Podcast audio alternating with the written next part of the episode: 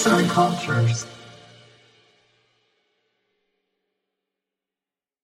Merhaba sevgili dinleyiciler. Sizlere gerçeklik üzerine yani logosun mitosuna yönelik bir kriter metnini seslendireceğiz. Keyifli dinlemeler.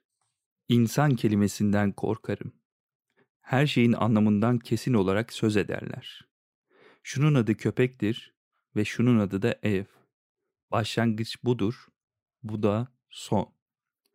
Raniel Maria Rilke Felsefeye Almanca bir şiirin ilk mısralarıyla başlamak siz okuyucuları oldukça şaşırtmış olabilir.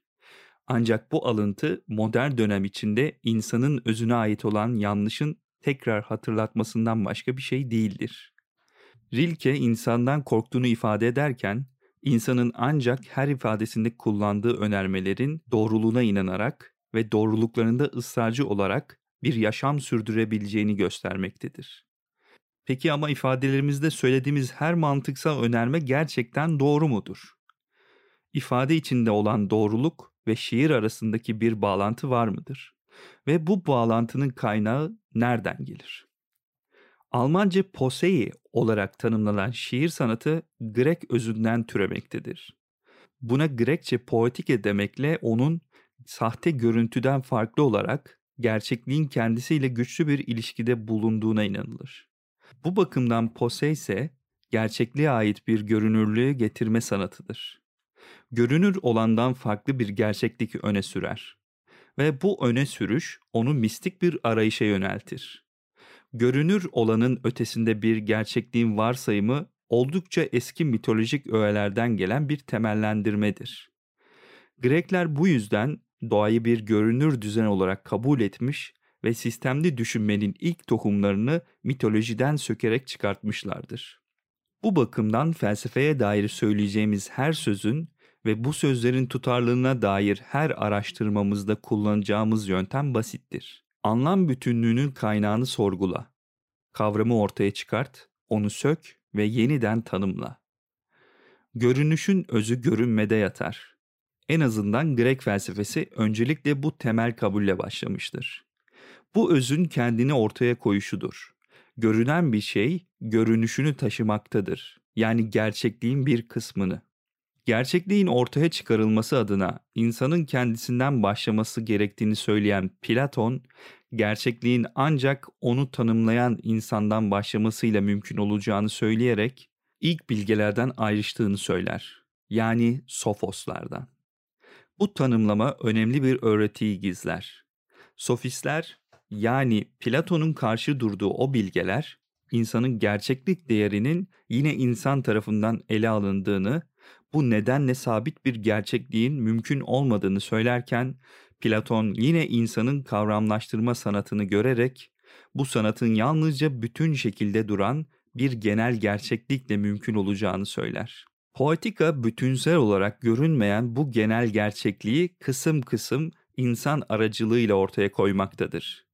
Platon bu bakımdan mitosun öze ait bir şeyler gizlediğine inanır.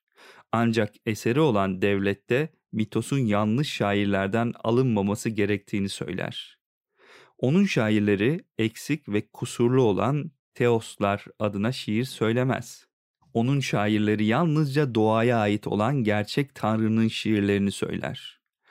Bu bakımdan Homeros ve Heseidos Platon'a göre aslında mitosun yok edicileridir. Teoloji sözcüğü de Platon felsefesinin ortaya çıkarttığı bir kavramdır. Şiirin ölçüsünü tespit ederken Tanrı'ya ilişkin rasyonel yaklaşımı bir sonucu olarak şiirin teolojiyi yarattığını söyler. Yani teosa yönelik olarak yapılan akıl yürütme. Yani logos. Platon felsefesi bu yüzden ilk doğa teolojisidir. Teolojiyi doğa diye adlandırmamız onun hayali tanrılardan arındırılması ve devletin inançlarını hapsedilmesinden korumak içindir. Platon'a göre gerçek teoloji devletlerin sınırlarında değil, dünyanın sınırında yapılır. Yani anlam bir devletin anlamı değil, bir insanlığın anlamıdır. Aristoteles ise eseri olan metafizikte teolojiyi metafizik bir kolu olarak betimler. Varlık üzerine yapılan bir düşünce ve en yüksek varlığa yöneliştir. Bununla birlikte Aristoteles, teoloji kavramını eski filozoflar ve doğa araştırmacılarının temelsiz felsefesine karşıt olarak kullanmaktadır. Eski ve tutarsız her şey teologların eseridir, filozofların değil. Varlık en yüksek varlıkla anlaşılarak doğruluğunu ortaya çıkartır.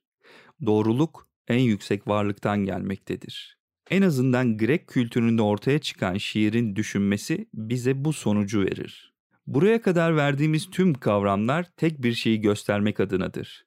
Şiirle başlayan akıl yürütme insanın en önemli özelliği olarak kabul edilerek bu özelliğin olanağının ancak görüntü olarak görülebilen, daha fazlasını da kendinde gizleyen bir gerçekliğin varsaymaktadır.